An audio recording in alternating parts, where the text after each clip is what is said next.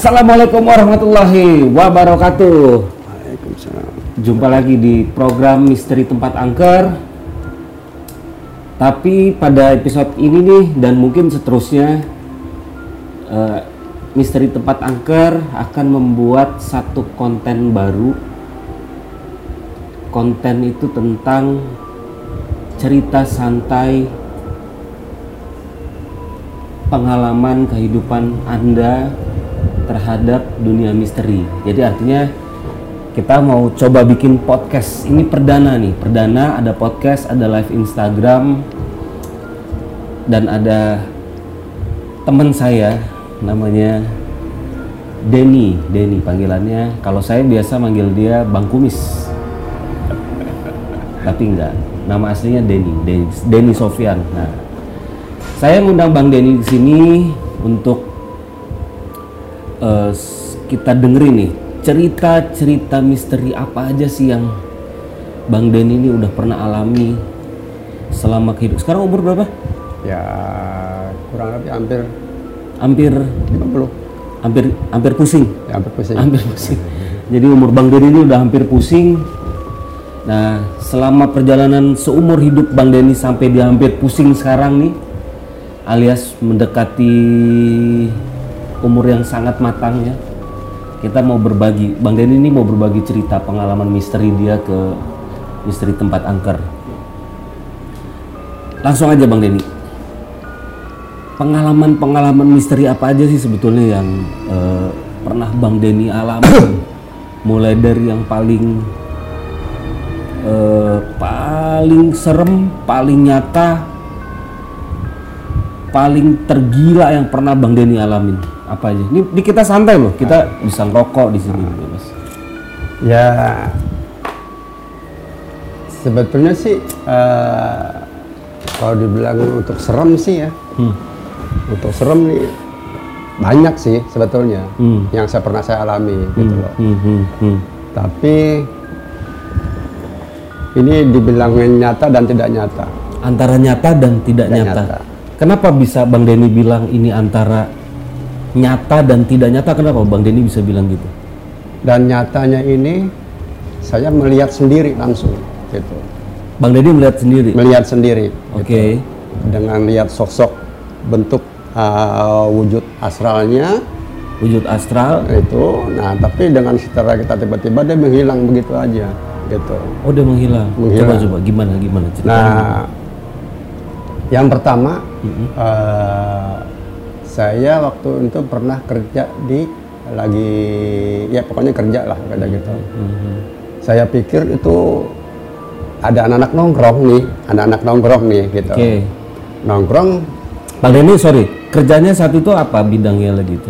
Lagi ngawasin bangunan Oh ngawasin bangunan. Ah, itu bangun villa di daerah Bogor. Bang Denny pengawas bangunan. Ah, ah, itu Ini di- semacam satpam. bukan, bukan. Jadi jadi kayak kayak kayak kepala mandor lah Oh, gitu. ke- kepalanya mandor. Nah. Di atasnya mandor ada kepalanya. Oke, Tapi guys. dia, ini ini ini diajak dulu diajak. Bang Denny diajak. Oke, Ah. jadi ceritanya ada anak-anak lagi nongkrong di Iya. situ di pekerjaan. Saya saya pikir, saya pikir itu Mhm. ada anak-anak nongkrong gitu. Ah. Ternyata saya eh, berangkat itu pagi ya, kira-kira jam 8 lah pagi. Jam 8 pagi. 8 pagi itu pada hari Kamis.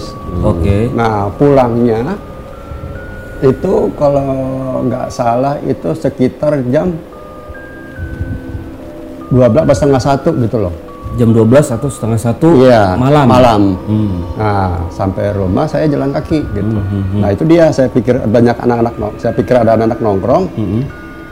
Ada pohon kapuk besar Hmm, itu ada pohon kapuk besar gitu. Nah di situ kayak kayak kayak ada balai gitu loh. Oke. ada balik ternyata pas saya jalan itu ya jarak cuman ada 100 meter lah gitu 100 meter itu ini ada perempuan nih Ada perempuan. lewat itu jam ya jam-jam setengah satuan itulah itu Serius. serius itu Bang Denny ngeliat perempuannya eh, nyata, artinya Nyata. Bang Denny ngeliat bener fisiknya, lihat lihat saya lihat sendiri bajunya pun kelihatan putih Oh, pakai dia pakai baju putih. Ah, ah, Ba- kayak kayak jubah atau kayak ya kayak jubah gitulah pokoknya.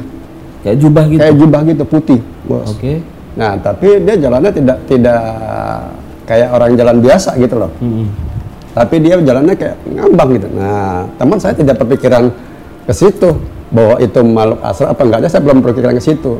Oke. Saya berpikirannya ada anak-anak nongkrong. Memang karena di deket situ Bang Denny ngeliat ada anak-anak nongkrong. Ah, pas sudah sampai jarak cuman antara eh, 10 atau 5 meter gitu kan. Mm-mm. Tidak ada anak-anak. Sepi, itu sepi. Anak-anaknya ke mana? Nggak ada, sepi. Loh, Bang Denny tadi ngeliat ada anak-anak. Enggak, bukan ngelihat gitu. Perkiraan. Oh, perkiraan. Perkiraan itu banyak anak-anak nongkrong biasanya itu. Guys, eh, jadi karena kita syutingnya di rumah, bener-bener di rumah. Jadi ada suara air. Soalnya sebelahnya ini ruangan ini bang emang air Iya. pompa. kita belum punya studio soalnya. Oke oke jadi jadi eh, bang Denny ngelihat ada eh, eh, perkiraan Bang Denny bahwa di daerah situ ada anak-anak nongkrong. Iya. Sebelumnya Bang Denny ngeliat ada perempuan menggunakan jubah putih itu jalan. Jalan. Tapi Bang Denny coba pastikan akhirnya. Iya, Terus ada anak-anak itu. tidak ada. Oh, rupanya nggak ada. Nggak ada. Mas, ah, pas udah begitu kok nggak ada anak nongkrong nih. Berarti emang benar ya nggak ada anak nongkrong. Oke. Deket, deket, deket, deket, deket. Itu maksudnya deket Bang Denny deket deketin Deket perempuan. ma- ini makhluk itu. Oh. Nah, deket-deketnya cuma jarak ada satu meter lah gitu. Oke. Teman saya Satu tidak- meter segini nih. Iya. Teman saya tidak ada perpikiran ini itu makhluk, eh, makhluk gaib gitu kan, makhluk gaib itu saya nggak berpikir- berpikiran ke situ. Dia cuma menundukkan kepala dengan rambutnya terai ke depan gitu, tidak tidak tidak menampakkan wajahnya gitu kan, cuma ketutup buat rambutnya aja gitu. Terus gitu, cuman saya tidak berpikiran ah tuh kuntilanak, enggak, biasa aja Iya iya. gitu. Saya eh, dia diam, saya juga diam gitu. Tapi lama lama kelamaan itu, lama kelamaan dia lama-lama jalan ini. Hmm. Jalan, jalan, jalan, jalan. Nah, sebelah eh, ada ada solokan gitu, kayak ya kayak got lah gitu ya, tapi agak cukup besar lah gitu gotnya gitu. Dan saya juga sendiri pun tidak melihat itu dia berjalan di atas got. Oh, di- Bang Denny nggak melihat perempuan itu berjalan di atas got. Enggak, Tapi dia cuman hanya melihat menon- apa me- melihat dia itu berjalan aja gitu. Tidak memerhatikan saya. Oh terus? Tidak memerhatikan dia itu berjalan di atas got itu. Hmm.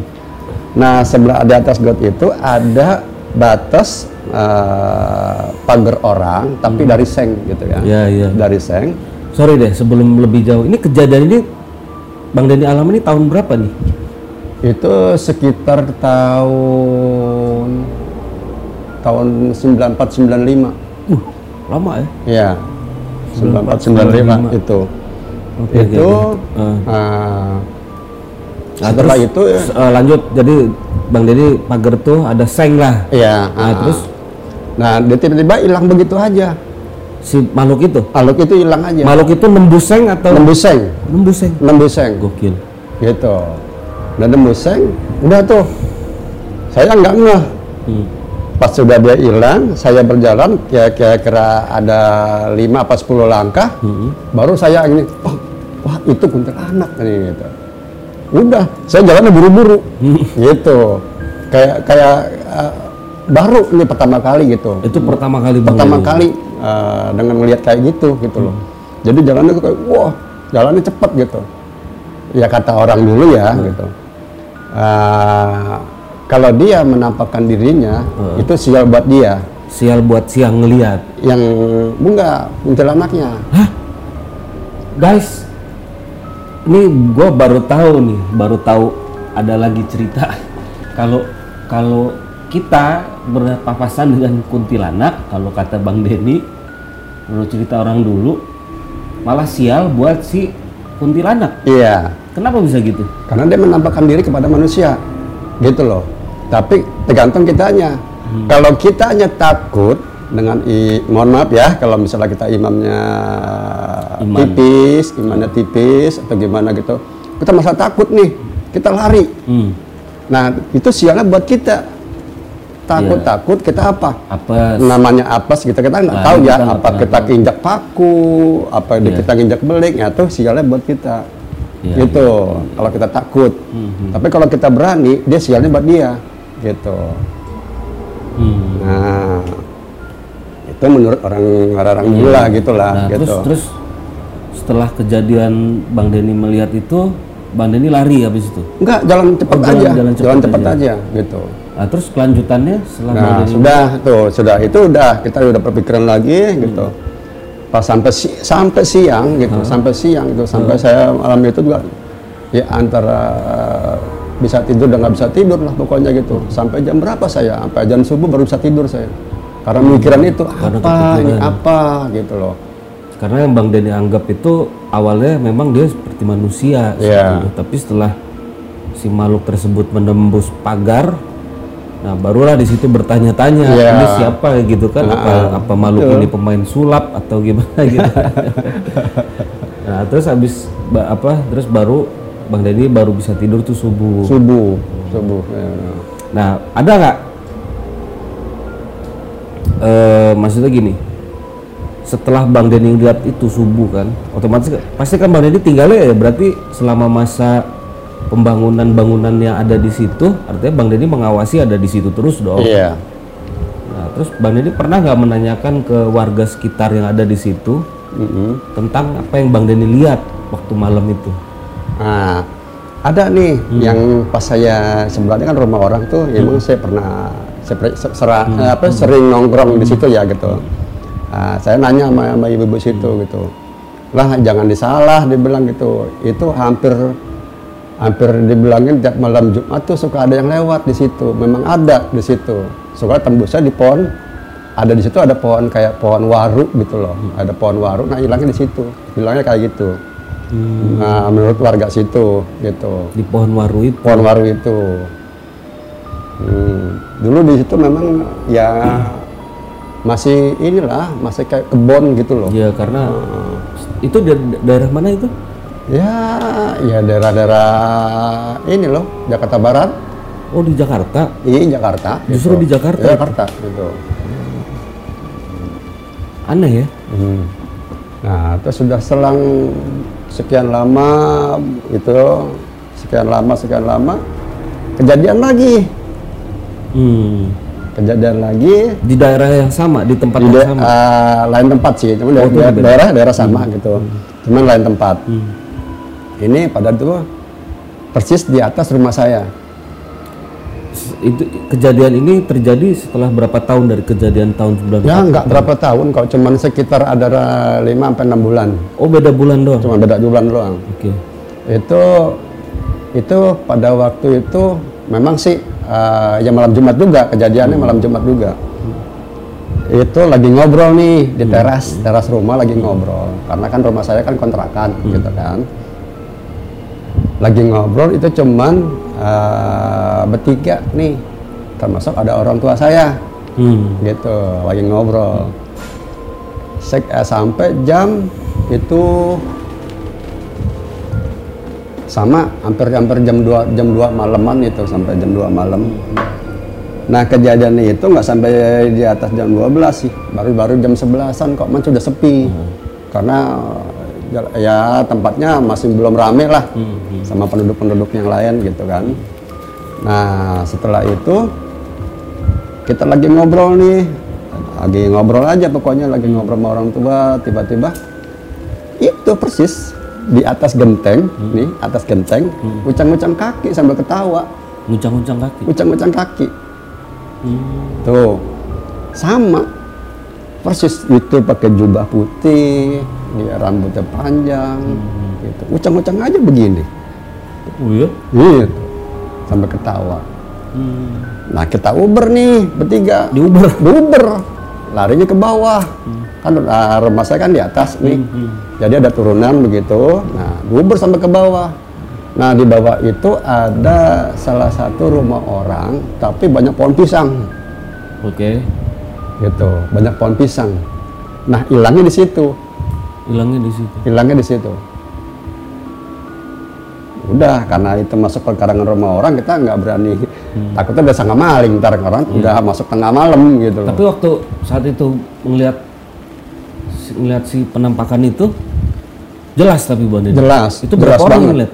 bertiga termasuk orang tua saya Oh bertiga. bertiga itu jelas banget Itu Bang Deddy waktu ngejar itu nggak ada perasaan takut? nggak ada Serius? serius malah berani saya saya uber itu. Apa yang ngebuat ngebuat Bang Deddy akhirnya bisa berani untuk karena gimana ya eh, yang penting kitanya sih gitu.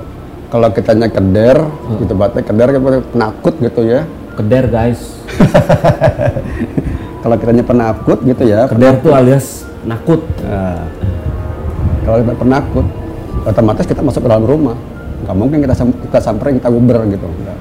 Gitu. Iya maksudnya kalau takut udah pasti kita menjauhi eh, Iya. tempat itu. Maksud saya apa sih yang ngebuat Bang Denny itu akhirnya berani untuk mengejar makhluk tersebut gitu? Apa sih yang ngebuat beraninya tuh kenapa? Gitu?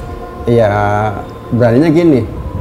Kok kenapa gitu loh? Yang kita kan juga malu, kita kan di, ya, hidup kan di dua alam kan gitu kan. Betul. Alam gaib sama alam nyata gitu kan. Sekarang tiga bang, Eh, tiga. alam gaib, alam nyata, alam maya. Ah, Jadi ada tiga. ah, sekarang. iya, iya. Ah, Ah, nah, udah gitu. Eh karena dia iseng gitu loh, iseng karena Hmm. eh, dia bersinggah di atas rumah saya. Jadi- Jadi saya, saya nekat, saya berani. Marah berarti ya? Ya. Jadi barat kata ya sama mungkin mungkin ya persepsinya sama kayak misalkan ada orang datang nggak permisi ngacak-ngacak rumah kita ya pasti kita Nah. marah gitu kali ya. Tapi saya nggak habis pikirnya berani gitu untuk Nah, itu dia. ngejar itu. Makanya saya tidak ada perasaan takut atau sama sekali. Udah kita Uber nih bertiga nih. Termasuk orang tua saya, saya Uber gitu. Nah pas turunan itu ya salah satu rumah orang tapi banyak pohon pisang gitu. Nah hilangnya di situ, pohon Hilangnya di pisang situ. itu. Nah kita ada berpikirannya karena sudah tengah malam gitu kan. Kita nggak mungkin kita apa kita gerubah-gerubuk uh, pohon Iya, pisang itu. ntar disangka maling lagi. Benar, benar. Nah itu udah kita pulang. Gitu. Gila ya. Hmm, itu yang Itu pengalaman paling iya paling mengerikan ya. Terus yang mau saya tanyain lagi nih. Dari tahun 94 pertama kali Bang Denny ini ngelihat ya. Pertama kali itu ngelihat berarti di Jakarta Barat Iya. di tempat kerjanya Bang Denny sendiri berarti ya. Mm-mm. Sampai hari ini 2020.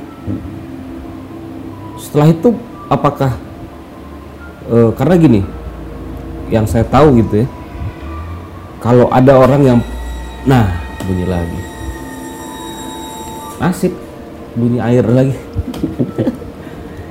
Karena yang saya tahu ketika ada orang orang pertama kali ngeliat selama dia belum dirukiah artinya dia akan terus saja tuh ngeliat tuh sampai kapan pun Iya. dan ada juga memang yang sekali ngeliat bisa juga habis itu enggak. Dan ada juga memang yang dia bisa ngeliat karena dia mendapatkan anugerah ya jatuhnya anugerah. Mungkin semacam indigo atau crystal child semacam itulah bilang indigo child anak indigo atau anak apa crystal child kayak gitu. Nah dari 94 sampai hari ini nih Bang Deddy tuh masih sering ngeliat gak? masih Berarti sampai hari ini sampai seriusan itu? serius Nah, gimana tuh Bang Deddy menghadapi hal-hal seperti itu? ya karena sudah terbiasa Udah terbiasa sudah akhirnya. terbiasa cuman juga kayak kayak ya antara kita ada perasaan takut pasti ada Ya sebagai manusia Iya. pasti nggak mungkin itu. nggak mungkin bohong lah kalau eh, tiba-tiba mendadak kita nggak ada Iya. rasa takutnya gitu. Nah, nyaman dengan keadaan seperti ini? enggak. Sama sekali gak nyaman. enggak nyaman.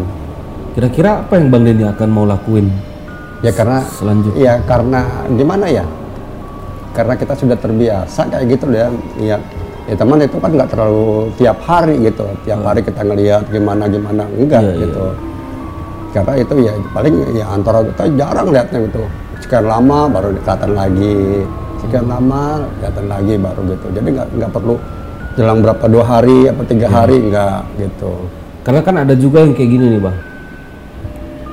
Jadi eh, konsep melihat itu, penampakan itu adalah sebetulnya gambaran dari otak kita eh, dari apa yang pernah kita lihat sebelumnya. hmm.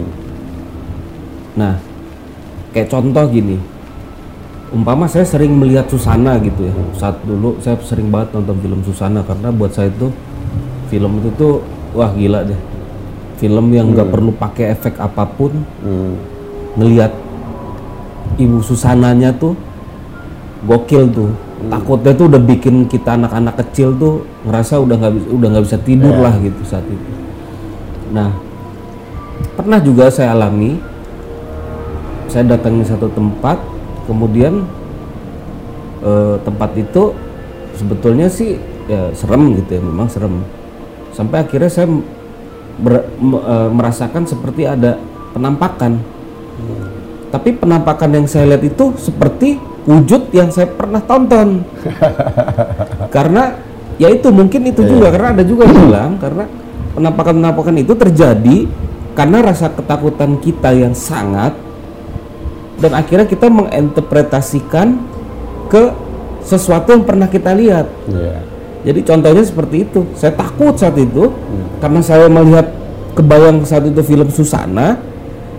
Jadi seakan-akan yang datang dan muncul itu adalah si tante Susananya itu. Tapi ya takut, saya takut gitu. Akhirnya nggak sempet baca AIWO kabur saat Iya. itu karena memang saat saat itu juga saya belum belum terbiasa gitu ya dengan adanya satu buah penampakan. Iya. dan masih berhalu pikiran saya itu saat itu eh, saya masih berhalusinasi.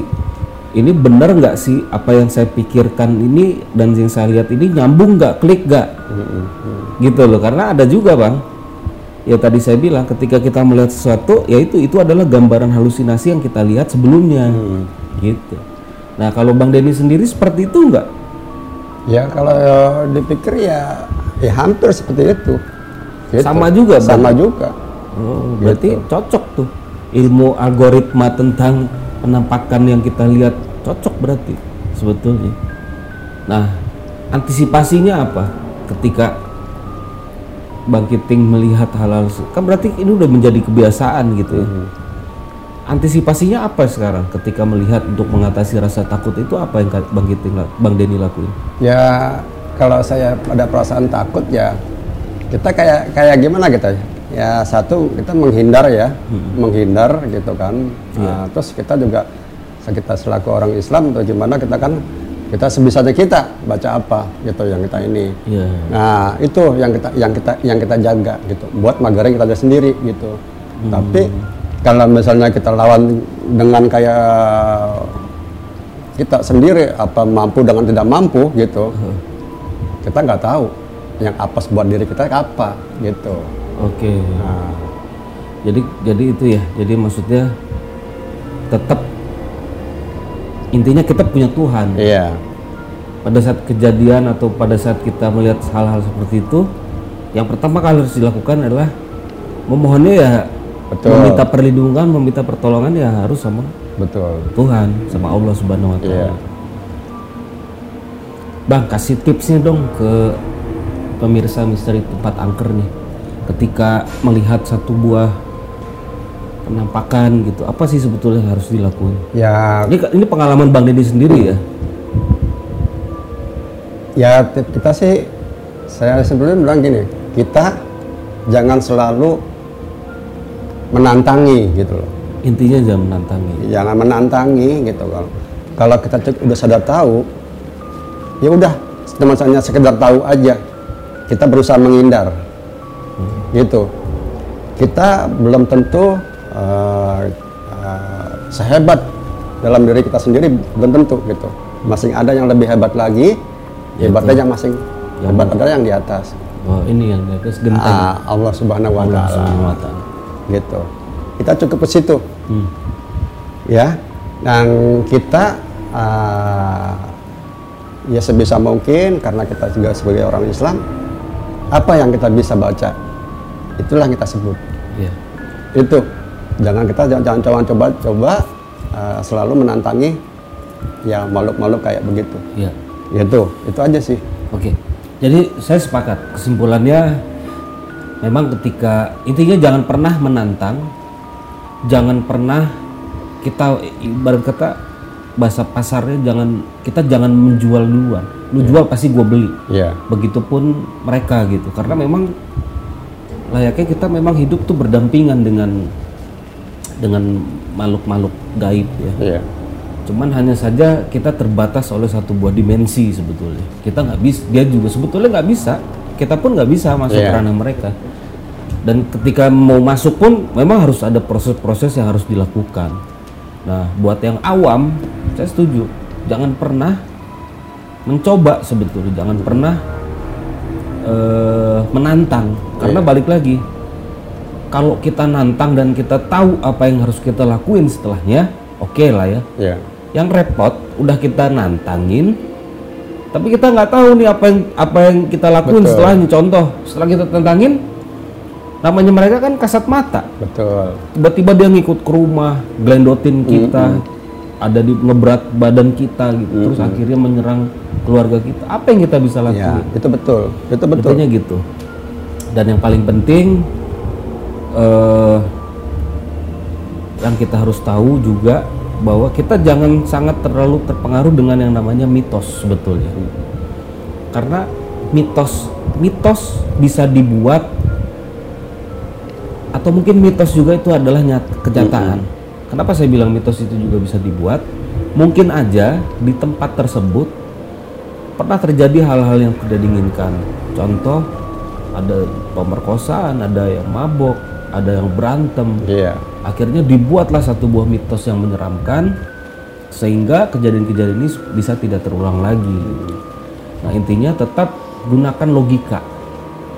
Tetap kedepankan logika dan percaya, yakin bahwa kita punya Tuhan, kita punya Allah Subhanahu wa taala sebagai seorang muslim. itu betul Kita harus yakin itu. Eh, jangan sampai akhirnya kita eh, berpaling dari situ, merasa jumawa, merasa hebat karena kita bisa melakukan itu semua gitu kan. Bang Deddy, makasih banyak waktunya. Ya. Terima kasih sudah berbagi cerita misteri Mm-mm. ke misteri tempat angker. Ini pengalaman balik lagi. Apa yang Bang Deddy ceritakan menjadi pengalaman buat saya khususnya dan pemirsa Mista di rumah. Sekali lagi saya ucapin terima kasih banyak. sama-sama Oke sobat Mista di rumah eh, tetap saksikan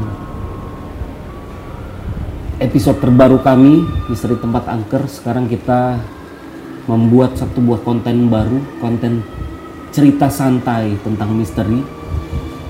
Eh, mudah-mudahan cerita ini bisa ber- bisa dibagi ke pemirsa sobat eh, ke sobat Mista di rumah. Kalian ambil positifnya, negatifnya kali kalian buang jauh-jauh. Dan yang terpenting, kami di sini tidak memaksa untuk menyamakan logika kalian dengan kami. Jangan paksakan itu, karena sesuatu yang dipaksakan itu tidak enak. Dan tetap tingkatkan keimanan kita pada Allah Subhanahu wa taala agar kita tidak sirna dalam hal-hal kemistisan. Sampai berjumpa di episode selanjutnya.